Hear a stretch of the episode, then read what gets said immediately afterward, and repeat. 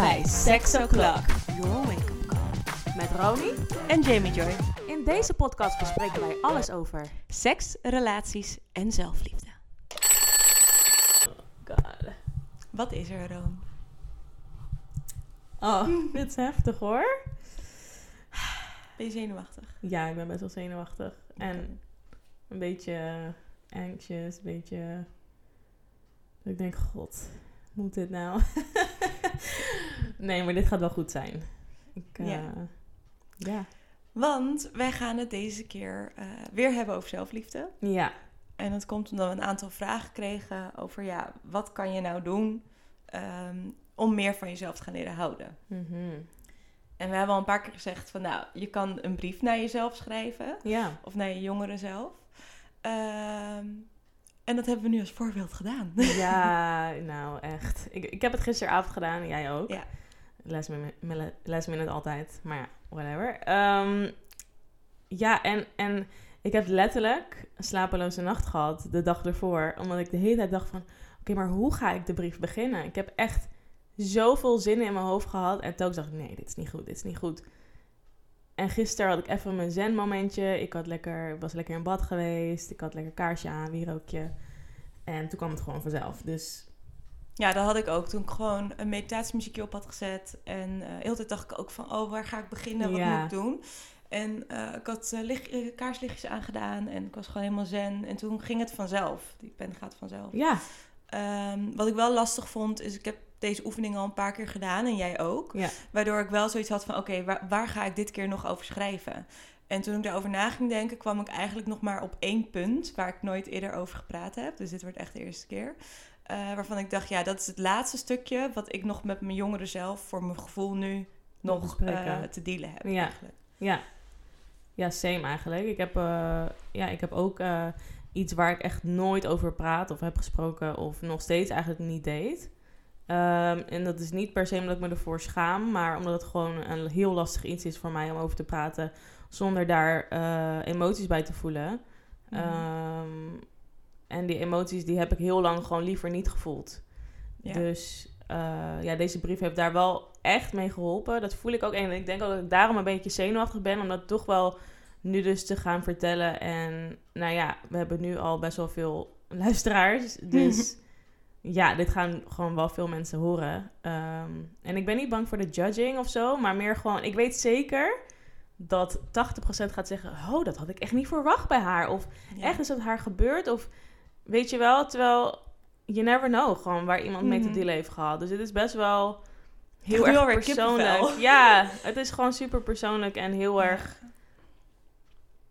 ja, emotioneel, maar wel heel goed. En ik denk dat het echt aan te raden is aan iedereen die ehm, met trauma's heeft gedeeld in het verleden. Op welk vlak dan Ja, maakt niet uit. Ja. Ja. ja, bij mij komt het wel echt vanuit schaamte... dat ik er heel lang niet over heb gepraat. Mhm. Eh, en ook wat jij zegt van, ik merk ook sinds ik die brief heb geschreven, weet je, we moeten het nu nog erover gaan Ja. hebben in deze podcast, maar sinds gisteravond merk ik wel echt een verschil dat ik denk, ja, dit is die stap die ik ga zetten om er open over te zijn, om Ja. die schaamte los te laten. Gewoon dat laatste stukje. En, en we gaan later er denk ik verder op in waarom je je dan eh, over hebt ges- eh, voor schaamt. Of misschien verwerk je dat wel in je brief, dat weet ik niet. Ja, Ehm, maar ja, laten we gewoon voor opstellen dat... ehm, ja, ik zeg je gewoon alvast, jij hoeft je echt nergens voor te schamen. En ik heb je brief nog niet gehoord, dus ik... niet jij beginnen, want nu word ik Niet ja. nu al lieve woorden zeggen hoor. ja, het wordt wat. Het wordt Maar- echt wat. Ehm, ja, om even uit te leggen, want mensen denken misschien, waar hebben jullie het allemaal over? Ja. En eh, wat ik wel voorop wil stellen is van waarom zo'n brief eh, voor jezelf belangrijk kan zijn. Eh, ik heb geleerd de, de vorige keren dat ik deze opdracht heb gedaan, dat alles wat je uit je volwassen zijn doet, Mhm. eh, of hoe je ergens op reageert, dat dat komt door iets wat je in je verleden zo hebt geleerd als kind Ja. zijnde. Dus als kind zijnde heb jij zoiets van, oh, dit is een trigger, daar word ik blij van, daar word ik verdrietig van. En zo blijf je reageren.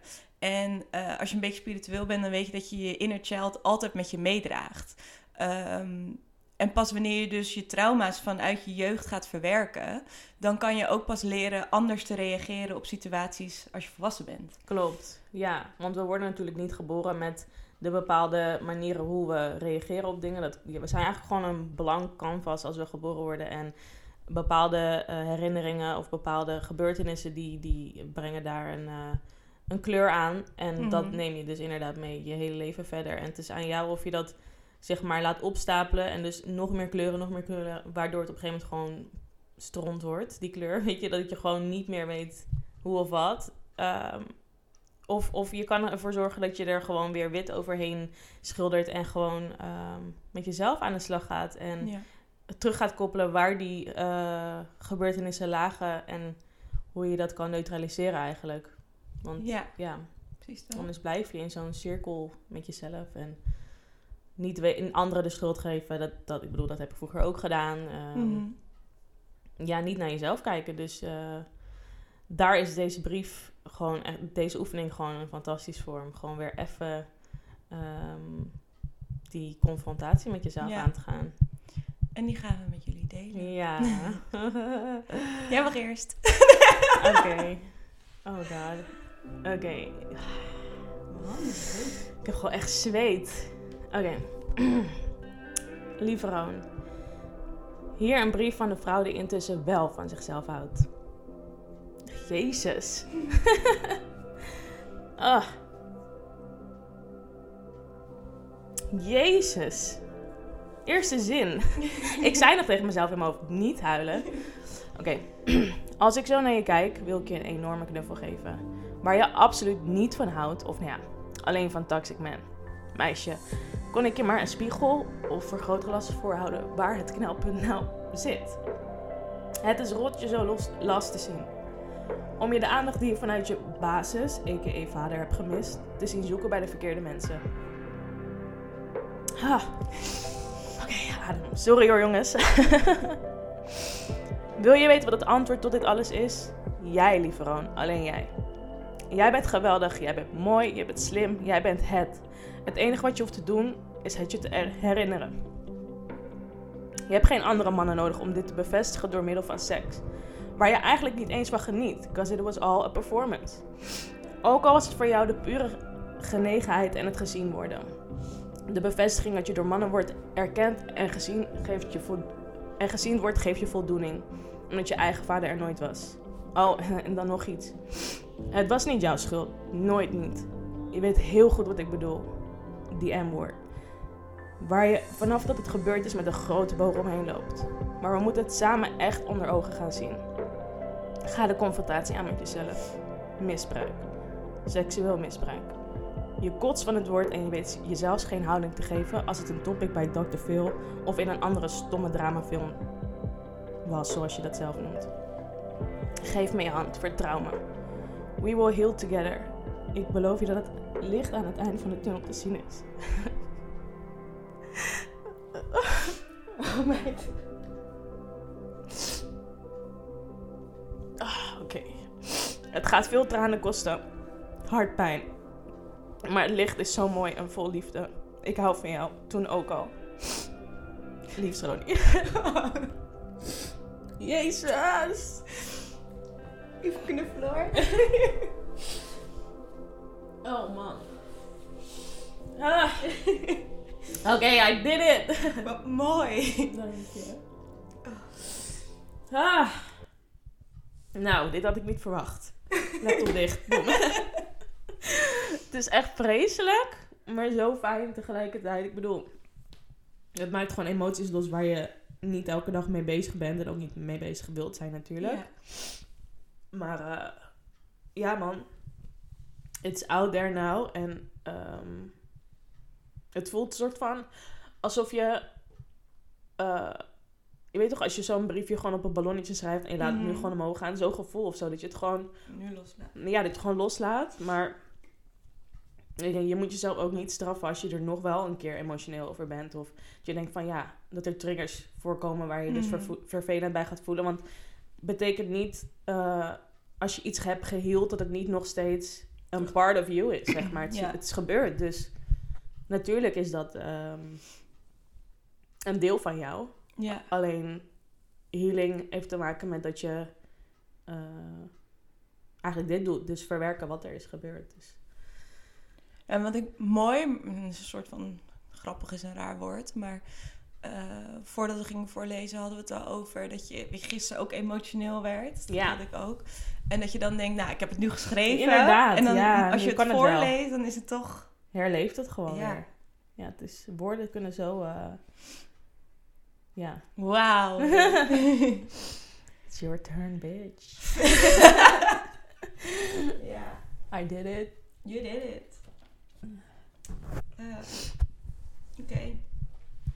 Daar gaan we. Ja.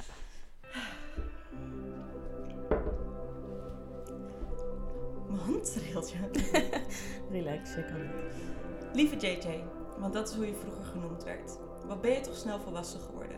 Maar wat wilde je stiekem graag nog kind zijn? Je was er trots op als je werd verteld hoe zelfstandig je was. En daarom mocht niemand weten dat jij tot de eerste klas vaak liever alleen thuis bleef met in plaats van met je vriendinnen afsprak, zodat je nog even met je Barbies kon spelen. Het moment waarin je in je eigen wereld zat en zorgeloos, zorgeloos kind kon zijn. Ineens was daar die oudere jongen die jou was zag zitten. En volgens je vriendin- vriendinnen betekende dat heel wat. Je veranderde radicaal van de een op de andere dag. Was je verliefd? Eigenlijk wist je niet eens of je hem überhaupt wel leuk vond. Maar hij was populair en hij wilde jou.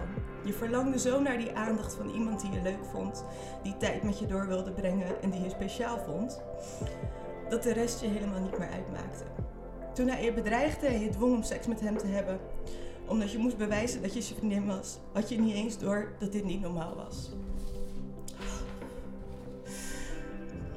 Je had al zoveel relatiegeweld gezien, zowel verbaal als fysiek, dat dit je referentiekader was geworden. Dit was jouw normaal. Het duurde vervolgens acht jaar voordat je besefte wat er die bewuste dag was gebeurd. Voordat je besefte dat het niet jouw vrijwillige keuze was. En wat voor impact het heeft gehad op de manier waarop je met jongens bent omgegaan in de daaropvolgende jaren. Het duurde vervolgens weer twee jaar voordat je er- erover durfde te praten. En pas dit jaar heb je de schaamte los kunnen laten. 16 jaar heb je bij, je bij je gedragen. Maar het is klaar nu. Het is genoeg. Jij bent genoeg.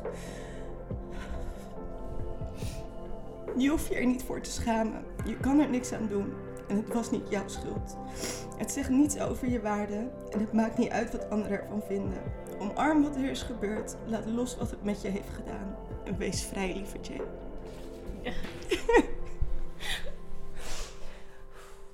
Je hebt het zo goed gedaan. Echt heel goed. Jezus. Oh, wat mooi ook. Godsamme. Je, Ik, had, ik kwam, voordat we besloten dit te doen, op een punt dat ik dacht, hier moeten we iets mee doen, nu we bereik krijgen en dingen. Maar ik had niet verwacht dat het dit met me Nee. zou doen. Nee. En alle twee hebben ook elkaar echt nog geappt van... Oké, gaan we dit wel echt doen? En eigenlijk was het gewoon uitstelgedrag. Want Ja. ja, wie wil zich hier nou mee confronteren, denk je dan? Maar dit is gewoon echt iets wat besproken moet worden. Want ik weet zeker...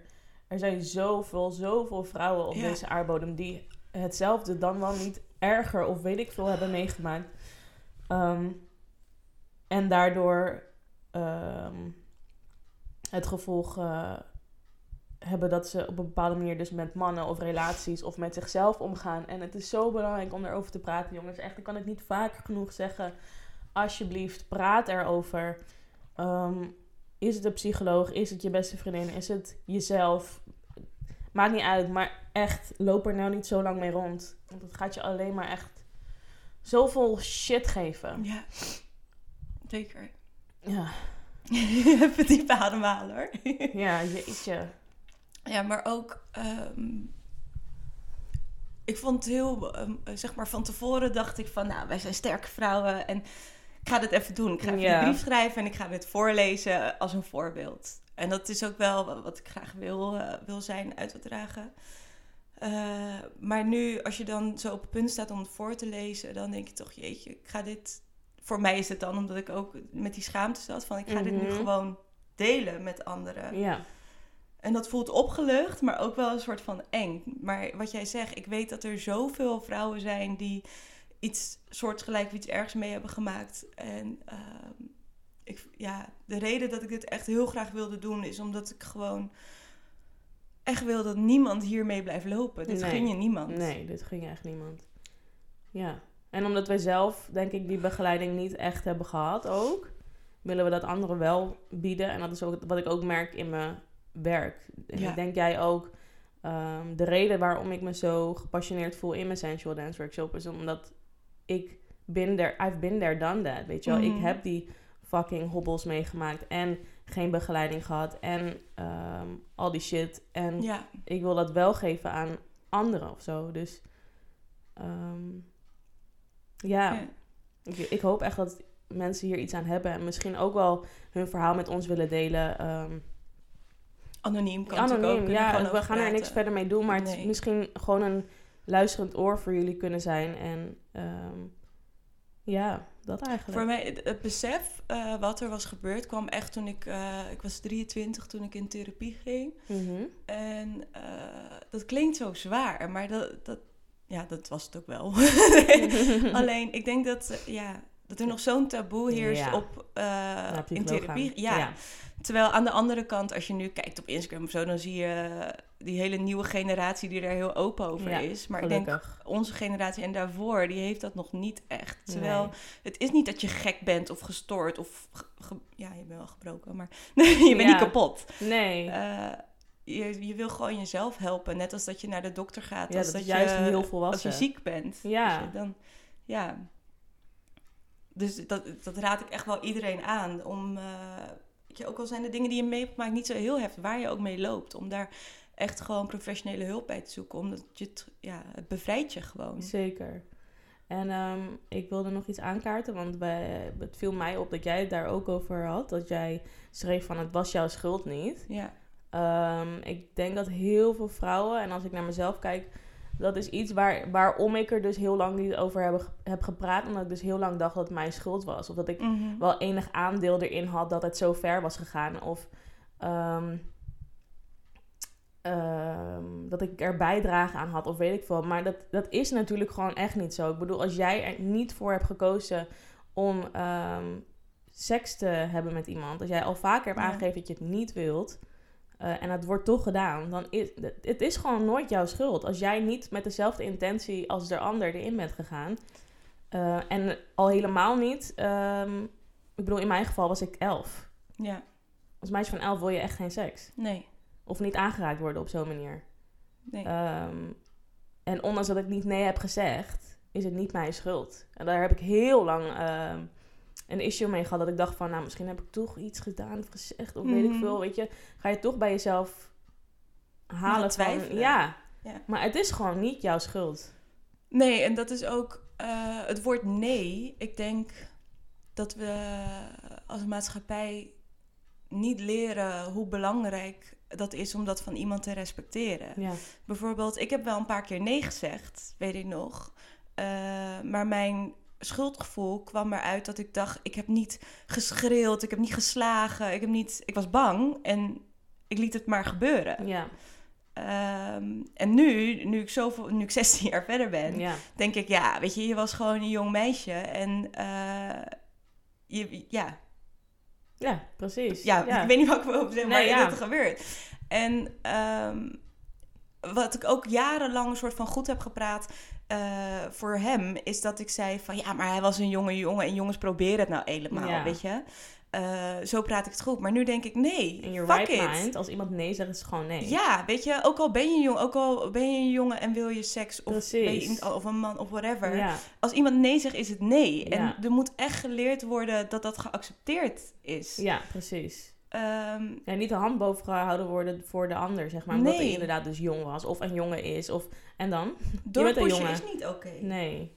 Maar Nee. ik merk wel, eh, en ik denk dat heel veel mensen dat hebben, dat je het op zo'n manier een soort van goed gaat praten, terwijl het niet goed te praten valt. Precies. Het, is, het valt gewoon niet goed te praten. Het is hartstikke fout en hartstikke niet goed. Ehm, maar onthoud wel dat het, dat het niet jouw fout was. Dus het is echt door de ander of de situatie. En ik las vandaag trouwens iets, en er is ook wel misschien handig om het daarover te hebben, dat het niet altijd mannen zijn die dit doen. hè. Nee, het zijn ook vrouwen. van, ja.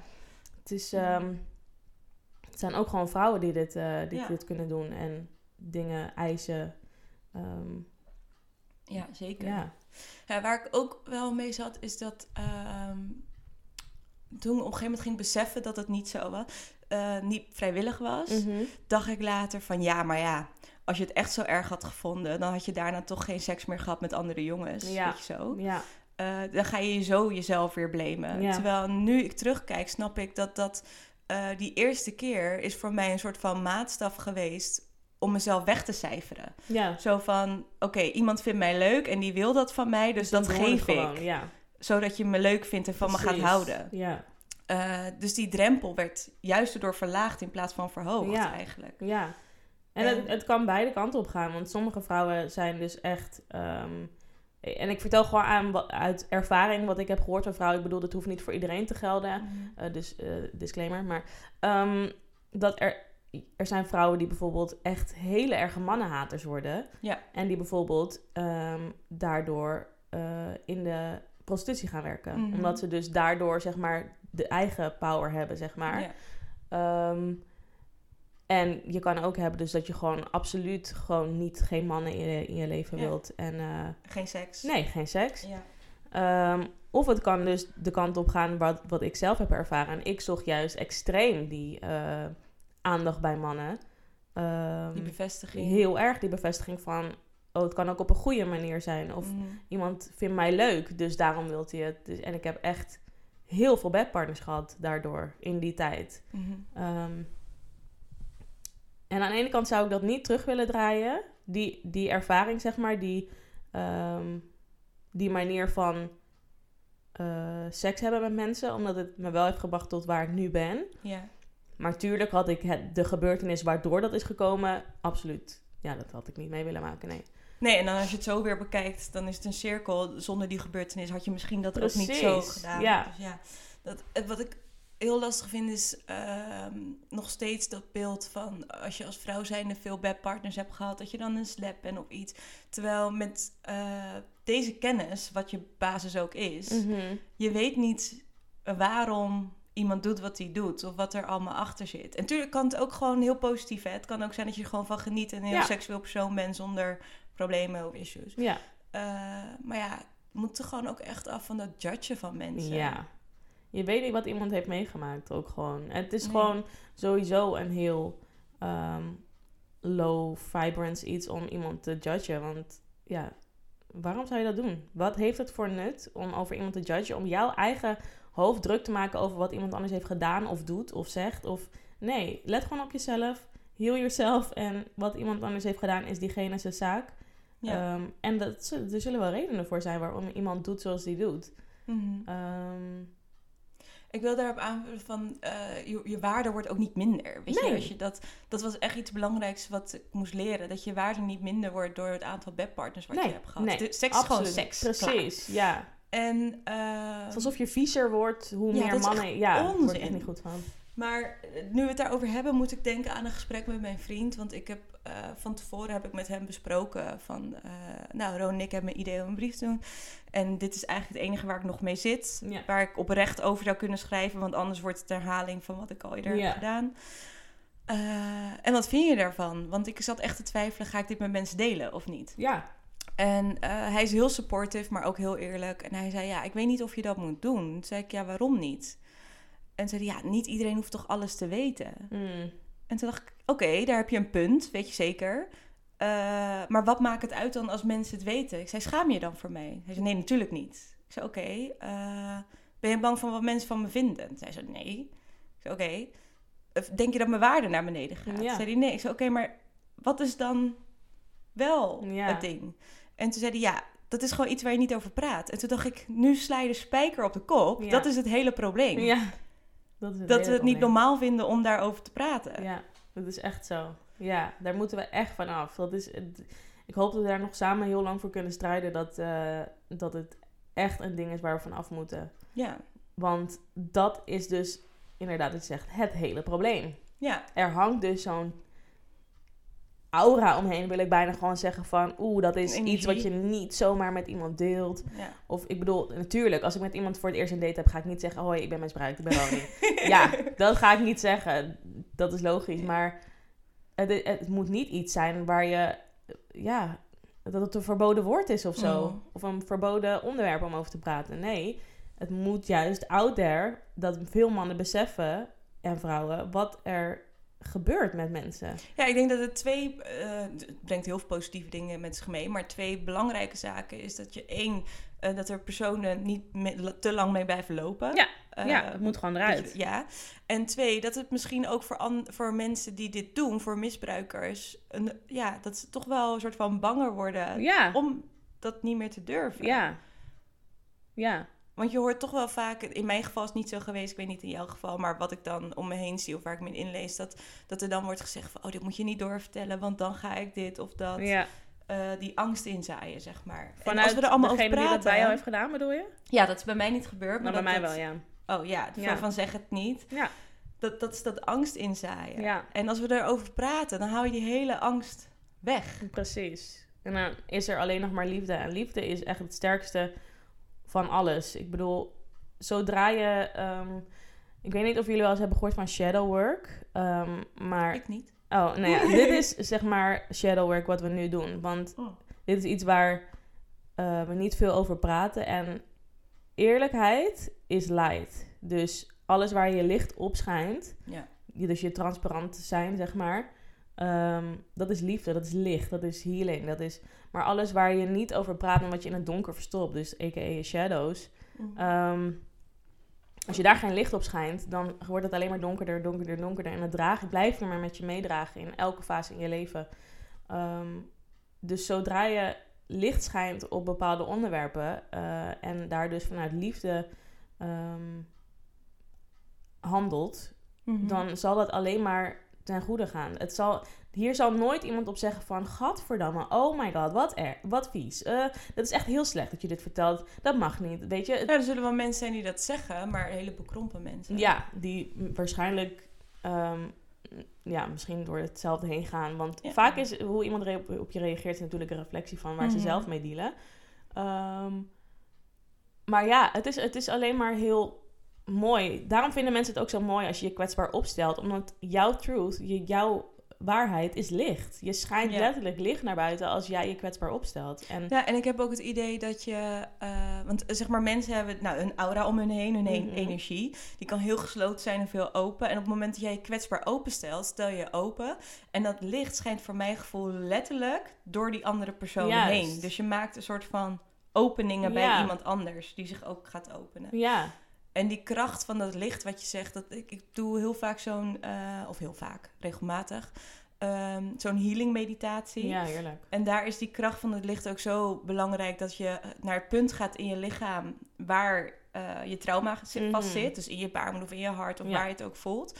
En dat je dat gaat vullen, visueel gezien, eh, met licht. Ja, En dat licht maak je steeds groter. En, en dat heb ik ook als ik eh boom ben in huis of ik weet ik veel. Dan visualiseer ik dat ik het vul met licht. En dat helpt zoveel. ja, dat is echt zo. En ook wat je zegt, ehm, je kan ook een bubbel om je heen visualiseren als je het gevoel hebt dat je met, eh, ja, ja, nou ja, we noemen het bad vibes, maar goed, ja, dat is je eigen definitie daaraan. Ehm, dat je jezelf gewoon beschermt in een bubbel van licht om niet ehm, geïnfecteerd te worden eigenlijk, zo noem ik het even, Mhm. door eh, andere energieën die niet goed voor jou zijn. Dus licht is altijd goed, gewoon jongens. Echt visualiseren, dat is zoiets magisch. Uh, uh, voel je niet fijn, doe dat. En je kan ook je baarmoeder daarmee healen. Of inderdaad wat je net zegt, waar je die trauma voelt in je lichaam. Ehm, want onthoud echt dat lichaam en soul zo erg samenwerken. Als jij eh, heel veel last hebt van je baarmoeder, dan zal dat iets psychisch ook zijn. Ja. Het is vaak niet alleen lichaam, lichamelijk of het gaat altijd gepaard met. Wat, dat is logisch, want dat ben Ja. jij, weet je. Ehm, Met iets psychisch, met iets emotioneels. ja, precies. eh, Ja. Dus eigenlijk spiritualiteit en ehm, je, je brein en je emoties en je lichaam, dat werkt allemaal samen. Het, zijn allemaal geen losse hetzelfde. dingen. Nee, het is allemaal één. Ja, klopt. Wat jij zegt met die bubbel, ik zit terug te denken aan, aan weer vroeger toen ik klein was. En ehm, toen visualiseerde ik geen lichtbubbel. Maar het grappige is, ik zat wel echt heel vaak in mijn eigen bubbel. Ik Ja. heb echt moeten leren. Ehm, ik was denk ik ja, of 16, 17 toen ik bij, bij een spirituele vrouw kwam. Die me echt leerde grounden. Eh, omdat ik gewoon altijd in mijn hoofd... Ik ging echt naar mijn eigen wereldje, zeg maar. Ja. Ook in de klas moest ik echt altijd erbij geroepen worden en wakker geschud worden. Omdat ik gewoon... En dat was ook een soort van zelfbescherming. Gewoon letterlijk niet hier aanwezig zijn. Ja. Ja. Ik denk dat je dan inderdaad gewoon jezelf beschermde. Ja. En, maar was het dan moeilijk voor jou om daar weer uit te komen? Of was het wel Ja, ik heb echt moeten leren grounden. Gewoon echt aanwezig hier zijn. Zij zei echt van die oefeningen van... oké, ga buiten lopen. Ga eh, letten op hoe je voeten de grond raken. eh, welke geluiden je hoort. Wat je ziet. Gewoon echt je zintuigen activeren. Echt hier om en hier te zijn, zijn. ja. Ja, Wauw. dat. Ja, maar was je dan vooral ook heel... eh, waar, weet je nog waar je dan aan dacht en zo? Als je in je eigen bubbel zat? Of waar je mee bezig was? Of was dat iets onbewust?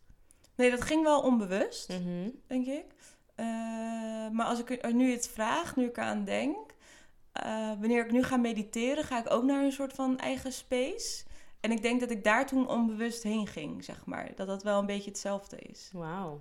Dat je gewoon echt je oren soort van afsloot voor Ja, alle buiten... iemand moest me echt terugroepen. Wauw. Nou En ja, wauw, welke was leeftijd- heel leuk. Nee, maar ik het is meer dat ik denk van wauw, dat is echt best wel uniek of zo. Dat je dat kan. Nou ja, nee, ja, nee. Best wel veel kinderen hebben dat eigenlijk, Ja, als ik het nu bedenk. Volgens mij wel. Maar ja, ik had het zelf Ik was gewoon een beetje, eh, ja, hoe zeg ik dat? Bijna zo'n soort van gekkie, weet Ja, je wel? Zo'n loner. Eh, ja. Ik had wel vriendinnen ook en zo, maar ik had geen eh, beste vriendinnen. Nee. Ik was echt een loner Ja. in mijn eigen wereld. maar dat vond je ook gewoon niet erg. Nog steeds niet. Nee. ik vind het ook wel heel lekker inderdaad, alleen Ja. zijn. Heerlijk. Ja. Maar waar ik ook over na zat te denken net, er komt zoveel nu eh, in mijn hoofd. Ehm, maar ja, dus wat ik zei toen ik 23 was, ging ik die therapiesessies doen. En toen ging ik hierover praten, wat er toen op mijn dertiende was gebeurd. En ehm, ik dacht toen, wat jij ook zegt, van ik heb het verwerkt en het is klaar. Ja, en je denkt oh dus ja. van, het is verwerkt, dat is het. Ja, Maar soms komen dingen gewoon terug. tuurlijk. En ik merkte dus eh, vorig jaar pas dat dit nog steeds diep zat. Ehm, toen was ik me nog niet bewust dat ik me voor schaamde en dat dat de reden was dat ik er niet over praatte. Ehm, maar eh, ik ging naar de supermarkt. Ik heb die jongen nooit in die 16 jaar nooit meer gezien, of Mhm. 15 toen. En ik ging boodschappen doen en ineens stond hij daar. En als volwassen vrouw ben ik me gaan verstoppen in die Oh gangpaden van de supermarkt. Omdat ik dacht, ik wil niet dat jij mij ziet Wauw. om die confrontatie niet aan te gaan. En dat was wel echt zo'n besefmomentje van... oké, Ik heb er nog je, niet mee gedeeld. nee, je bent er nog niet klaar mee. nee, nee. Ja, en dat laatste stukje was gewoon schaamte. Maar ja, dat was ook gewoon weer een, een, een teken van de universe om, om jou te testen. Van Ja, oké, are you ready? Ga hiermee aan de gang. Ja, Ja. wat heftig. Gewoon je ja, ik ging me verstoppen, maar gewoon een teken van... je kan je niet langer hiervoor Ja, verstoppen eigenlijk. Precies. En bij mij kwam dat besef echt eh, sinds ik moeder ben. Ja? Ja, ik heb inderdaad ook in therapie gezeten. Ik heb zelfs eh, op mijn achttiende heb ik eh, heel erg paniekaanvallen gehad. Mhm. Ehm, zo erg dat ik niet meer uit huis durfde, omdat ik dan dacht dat ik dood ging. Ja, Oh, dat wist ik niet. Echt heel erg. Ehm, ik had echt. eh, ik kreeg helemaal van die gekke rituelen waardoor ik dan rustig werd. Dat ik in de douche om drie uur s'nachts moest zitten. Ja, gewoon hele. Ik was gewoon helemaal last. Ik was echt mezelf niet meer. En eh, toen kreeg ik. ehm, en moest ik naar een psycholoog. Maar er waren toen in die tijd. eh, kwam alles gewoon omhoog. En Kende het- ik jou toen al? Mm, ik zat op Luus toen nog. Oh nee, ik denk dat... Nee, ik denk eventjes daarna. Ja. Ehm, en dat was echt, mijn- eh, toen was ik echt at my lowest gewoon. Dat ik echt elke dag dacht dat ik dood ging als ik mijn hart iets te snel voelde eh, gaan Mhm. en zo. Maar dat was gewoon, ik kon het niet meer aan om het in te houden. Dus ik heb het zo lang bij me gedragen en niet over gesproken. Dat op een gegeven moment mijn lichaam zei van, Je moet. girl, nu moet het eruit. Ja. Dus toen naar de psycholoog gegaan, nou, heb ik echt misschien tien eh, eh, behandelingen gehad. En toen dacht ik wel van, oké, nou, nu is het wel, weet je, nu ben ik oké. Heb ik eigenlijk heel lang ehm, geen last ervan gehad, als ik het zo moet noemen. En toen werd ik moeder en toen kwam het echt weer, het kikte me zwaar in de bad. Abnormaal, gewoon alsof iemand me gewoon een klap in mijn gezicht gaf. En eh, ik denk dat ik ook daarom een dochter moest krijgen, omdat ik gewoon het Break moest verwerken weer. Ja, ik moest het gewoon inderdaad breaking the cycle. Want het, hetzelfde is bij mijn moeder gebeurd ook. Dus, En Mhm. ook bij mijn oma. Dus het is gewoon echt iets wat ik moet verbreken. Het is echt die, die, die ehm, generational curse gewoon. ja. Ehm, voor de mensen die dat niet weten wat dat betekent. ehm, ik zat natuurlijk al in mijn moeder toen mijn moeder in mijn oma zat. Oké, dit is weird. Maar mijn, ik kom natuurlijk van mijn... Wij komen van ons moeders ei. En die had mijn moeder al ontwikkeld in mijn oma Mhm. als foetus. Dus basically zit je allemaal in elkaar. En eh, bepaalde cursus, generatiecursus, die lopen door. dan gewoon over en die geef je door. En aan jou de taak om dat te doorbreken. Wil je niet dat het op de volgende ook weer overgaat. Ja. Dus op mijn dochter. Ehm, wat ik dus absoluut niet wil. Ehm, maar ik merkte gewoon dat ik zo bang was dat het AVA ook zou overkomen. Eh, nog steeds. En dat is echt iets waar ik mee moet dealen. Omdat ja, hoe vaak je zegt dat je iets niet wilt, hoe sneller het Mhm. natuurlijk wel op je pad komt.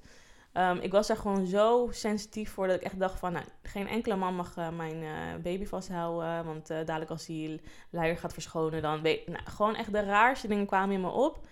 Ehm, dus toen merkte ik van... Oké, Ron, je moet hier echt nog wel weer mee aan de slag. Ehm, heb ik een ander soort therapie gevolgd. En ik, ik ga nog steeds wel eens naar die vrouw toe. Gewoon als ik voel van... Oké, ik heb weer even een, een schop onder mijn kont nodig om er Ja, iets mee te doen. dat. Dat heb ik ook. Ja. Ja. Om gewoon weer even te horen van... Oké, girl, you gotta work on it. En Ja. dat kan je op zo'n manier doen, zo'n manier. Ehm, ik weet eigenlijk niet of ik op een punt ga komen... dat het helemaal een clean sleeve weer gaat zijn. Ik denk het eigenlijk niet. Want het is zoiets bestempelend. Het ding is waar ik wel heel graag naartoe wil... wat mijn goal is... is dat ik er gewoon, net als nu... ehm, het om kan keren in liefde. En dus... ehm, anderen hiermee kan helpen. Dus, Ja. En het eh, eh, de taboe van het schamen ervoor of denken dat jouw schuld was, dat moet gewoon voor mij allemaal gewoon nee, nee, nee. Weet je, ja, daar wil ik gewoon heel sterk in staan. En dan ben ik eigenlijk al wel tevreden. Ik denk, Maar het is iets wat je, wat je wat eerder zei, wat je altijd bij je zal Ja, dragen. ja. Alleen de impact ervan, Ja. daar heb je controle, daar precies. neem je controle over. En ik denk, eh, ja, ik heb nog geen kinderen, maar ik vind het ontzettend logisch dat je daar bang voor bent met Avea. Alleen ik denk dat je zo, ze is nu nog heel jong, dus ze beseft het nu nog niet. Maar ik denk dat je zo'n mooi voorbeeld zet voor haar dat je hiermee bezig bent. Als ze Ja. ouder is, gaat ze dat beseffen. Ja. Dat mama daar zo mee omgaat. ja, Dat ik denk dat dat wel doorstroomt naar haar. Ja. zeg Maar ik hoop het. ja. Ik denk wel dat ik nog één taak moet voldoen en dat is met mijn moeder over praten. Mhm. Want ik snap heel erg als moeder zijnde dat, dat, dat dit zoiets als dit je gewoon kapot maakt als dat met je dochter gebeurt. Ja. Ik bedoel, dat kan ik me nu zelf heel goed inbeelden. Maar er is gewoon echt een barrière om dat te doen. En dus ik denk dat ik het ook maar via een brief moet gaan doen in plaats van face-to-face. Ik weet niet of ze Ehm, luistert. Nee, nee, ze luistert niet. Ze heeft geen Spotify. Maar, ehm, want zij heeft natuurlijk ook heel lang gedacht dat het haar schuld was. Ehm, omdat het haar vriend was. Haar, haar Mhm. eh, toenmalige vriend. Die dat bij mij eh, had gedaan. Dus ja, zij voelde zich daar gewoon heel verantwoordelijk eh, voor. En ik denk dat dat tot en met... Tot de, tot de dag dat ik tegen haar zeg dat het niet zo is... Dat ze dat dan pas soort van zou kunnen laten gaan. En ik... ik, ik ja, ze is nu al 60, weet je. Ik wil, ik wil haar ook gewoon een soort Die van... vrijheid. Ja, ik heb gewoon het gevoel dat ik dat deurtje van haar vogelkooitje open moet. Dit is echt heel Ja. raar dat ik het zeg, maar Ja, zo voelt het. Alsof zij, zeg maar, door die trauma van mij... Ja, het is voor haar Als ook confronterend. Ja, precies. ook Ja. Want zij, is vroeger ook eh, misbruikt. Dus het is gewoon een cirkel waar zij in Mhm. blijft zitten. En ja, ik gun haar gewoon die vrijheid daarvoor. Dus dat is echt mijn next step. Ik denk dat ik dat nou, sowieso deze maand nog moet gaan doen wel. Maar dat het dan zeg maar echt een strikje eromheen kan van oké. Dan. I did my work gewoon. Ja. Ja, wat je zegt, ook die, die moeder-dochter band. Ja. Ik heb mijn moeder ook eh, pas vorig jaar verteld, na, dat, na, na het supermarkt gebeuren. Mhm. Terwijl ik weet dat ik toen de tijd wel tegen mijn moeder zei van... eh, mam, ik heb voor het eerst seks gehad. En daar schrok ze van. Toen zei ze ook maar even lopen. Eh, Zei ze dat? ja, maar dat heb ik, het verhaal daarachter heb ik toen niet verteld. Dat heb ik pas vorig jaar verteld. Ja. En toen had ze ook zoiets van, oh, huh? Weet je zo? Ja, totaal geen idee. En ehm, mijn moeder, die, die is ook heel erg bezig met, eh, ja, haar trauma's verwerken. Al, al jaren, zeg maar. Mhm. Eh, en, en die cirkels en dat soort dingen. En ehm, zij heeft dat ook met mij geprobeerd. eh, door altijd tegen mij te zeggen toen ik jong was: van laat je als een prinsesje behandelen door een man. Ja. Ehm, En ik weet nog dat eh, toen mijn vorige relatie overging en ik eh, weer thuis ging wonen. En had ik een gesprek met mijn moeder. Het was heel emotioneel. En toen was ze heel verdrietig dat ze zei van... Ik vind het zo erg om je in zoveel pijn te zien. En ik, eh, ik had gewoon echt gehoopt dat ik je mee had gegeven... dat je met iemand een relatie moet aangaan die je lief hebt. En Ja. ik heb je toch altijd meegegeven dat je je als een prinsesje moet laten behandelen. En dat was haar manier van die cirkel Mm. doorbreken Ja. van de slechte relatie zij heeft gehad, dat Ja. ik dat niet zou hebben. Ja. En toen ging ik erover nadenken. Toen zei ik ook van ja, maar mam, jij was mijn voorbeeld. Inderdaad. En jij liet je niet als een prinsesje behandelen. Dus het idee van mij als een prinsesje behandelen was dat. Ja. Eh, en zo ging ik door in die cirkel, die ik dus nu ook weer probeer Ja. te verbreken. En als je dan daarover nadenkt, is dat dan wel heel grappig. En zij zegt dan ook, als zij naar mijn leven kijkt, zegt ze, is het alsof jij in een sneltreinvaart alles doorstaat wat zij in haar Wauw. leven hebt ervaren, zeg maar. En daarin kan ik alleen maar hopen dat dan het einde daarvan Inderdaad, snel in ja. zicht is. Ze zal wel echt super trots op je zijn. Maar het is wel grappig om daarover na te denken en om dat beeld zo te zien. Ja, ja dat, dat, dat stukje dat reflecteren, dat is echt zo mooi. Dat je dan het soort van letterlijk het licht ziet van, oh, aha, daar komt het door en daardoor Ja. heb ik zo gehandeld. En eh, ja, Ja, en dat is ook echt wel iets wat ik kan aanraden, denk ik, om die, eh, ja, noem het confrontatie. Ik weet niet of dat nu het juiste woord is, maar wat jij net ook zegt met je moeder, om dat aan te gaan met je ouders. Want ja, je neemt zoveel mee van je ouders. ja, En ehm, om me heen zie ik zoveel mensen die zeggen dat ze niet met hun ouders kunnen praten, omdat het geen praters zijn. Mhm. Eh, maar dat wil niet zeggen dat jij dat dan ook niet precies. kan zijn. Of dat jij niet eh, dat kan meegeven aan jouw ouders. Heel vaak heerst er het idee dat, je dat, je ouder, dat jij van je ouders moet leren. Mhm. Maar je ouders leren ook van jou. Ja, ja. En dat kan ik nu heel erg beamen. Ik bedoel, als ouder zijnde, er is geen boekje hoe je iets moet doen. Je doet maar wat. Je doet vanuit gevoel wat je denkt dat goed is voor je kind. En ehm, ja, daarbij komt ook nog eens dat ik ook meeneem hoe, inderdaad, hoe ik ben opgevoed. Dus dat, Mhm. gaat, dat gaat maar door en dat gaat maar door, die cirkel.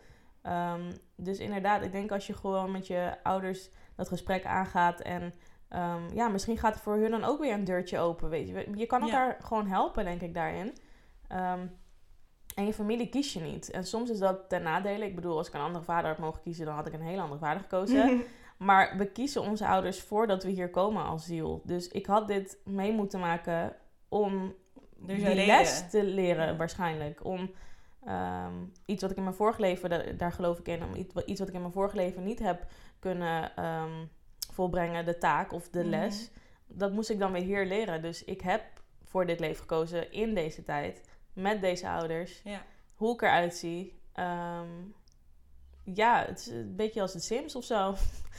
Weet je wel? Dat je gewoon zelf uitkiest hoe je... Ja. Dat, zo zie ik het dan weer voor me. Ehm, dus er is, er is gewoon overal een reden voor. En ja, het, het geeft zoveel eh, helderheid als je daar eh, mee bezig bent of zo. Dan zo vind je ook steeds sneller de purpose of life van jou. Van, ja, ik weet niet. ja, Ja, zeker. klinkt heel zweverig allemaal, maar het is echt heel erg logisch ook.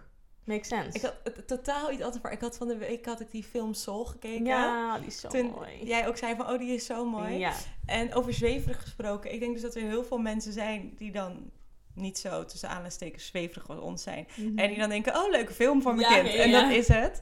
Eh, en dan zie ik of jij er heel veel meer in. Maar ik vond het zo mooi dat ik dacht, ehm, deze film doet uitbeelden hoe ik denk dat het in elkaar zit. precies. Weet je, ook dat poppetje, als je het nog niet hebt gezien, die die energie moet voorstellen en die dan eh, iedere keer van Ja. vorm verwisselt en zo, zoals jij het ziet en dat soort dingen. En die zieltjes die een lichaam gaan uitkiezen op Ja. aarde. En toen dacht ik van, hoe mooi is het dat zo'n groot platform als Disney voor kinderen die hiernaar gaan kijken, Precies. dit zo uitleggen. Ja, eigenlijk echt eh, elke eh, leek eigenlijk zou, Zou het hier- hierdoor snappen? Ja, zou het hierdoor snappen. Dus Ja. ik vind het inderdaad ook echt zo mooi dat zo'n mega platform als Disney inderdaad ons gewoon wil educaten over... Geen spons. Eh, nee, absoluut niet. Over het, over het eh, hiernamaals en eh, ja, hiervoor. De universe gewoon, het, het leven. Ja. dus als je naar ons luistert en je bent niet zo spiritueel, ook helemaal oké. Weet je, ieder heeft zijn eigen Ja, ding. zeker. Eh, maar kijk het misschien, dan snap je iets beter waar we het over hebben. ja. ja. Dit was hem alweer. Dit was hem alweer. Ik vond hem heel mooi. Ik ben helemaal rustig of zo. Ik weet Ik niet hoe jij je voelt. Ik voel me echt eh, ontladen of zo. Ja, het is echt... Toen we begonnen had ik zweethandjes. Ik Ja. ben lezen, was aan het trillen. En nu Ja. ben ik gewoon...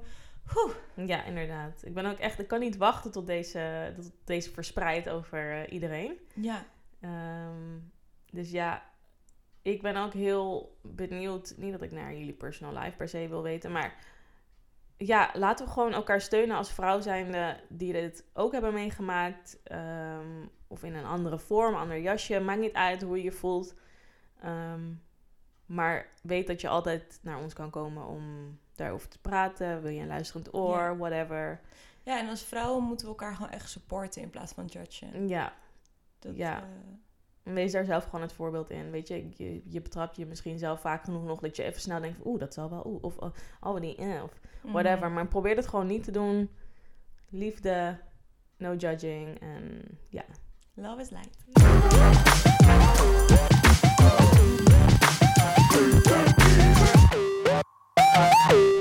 De volgende keer in Sex O'Clock. We hebben onze vriendjes! Ja, ik denk, ik- denk dat ik wel weet wat je bedoelt. Want dat is iets wat vrouwen niet begrijpen, maar mannen wel. Het is allemaal leuk als je vrijgezel bent om al die chicks hun billen te zien op Instagram. En dan lijkt je het wel. Mm. Maar wanneer het je eigen vrouw is, vind je het dus in één keer niet meer leuk. En dat voelt een beetje hypocriet. Ja, als jullie ons niet hadden, zouden jullie daar enorm van genieten op Insta. Dus nu begrijp je ons niet beter of nog steeds niet? Nee. Nee. Nee, Deze discussie zal altijd blijven. Nog steeds niet, omdat ik... We gaan nu misschien ook wel even een linkje naar porno maken, want jullie genieten wel van het vrouwelijk schoon. Zorg gewoon lekker voor hem op die manier. Oh, begin nou niet weer zo'n onderwerp.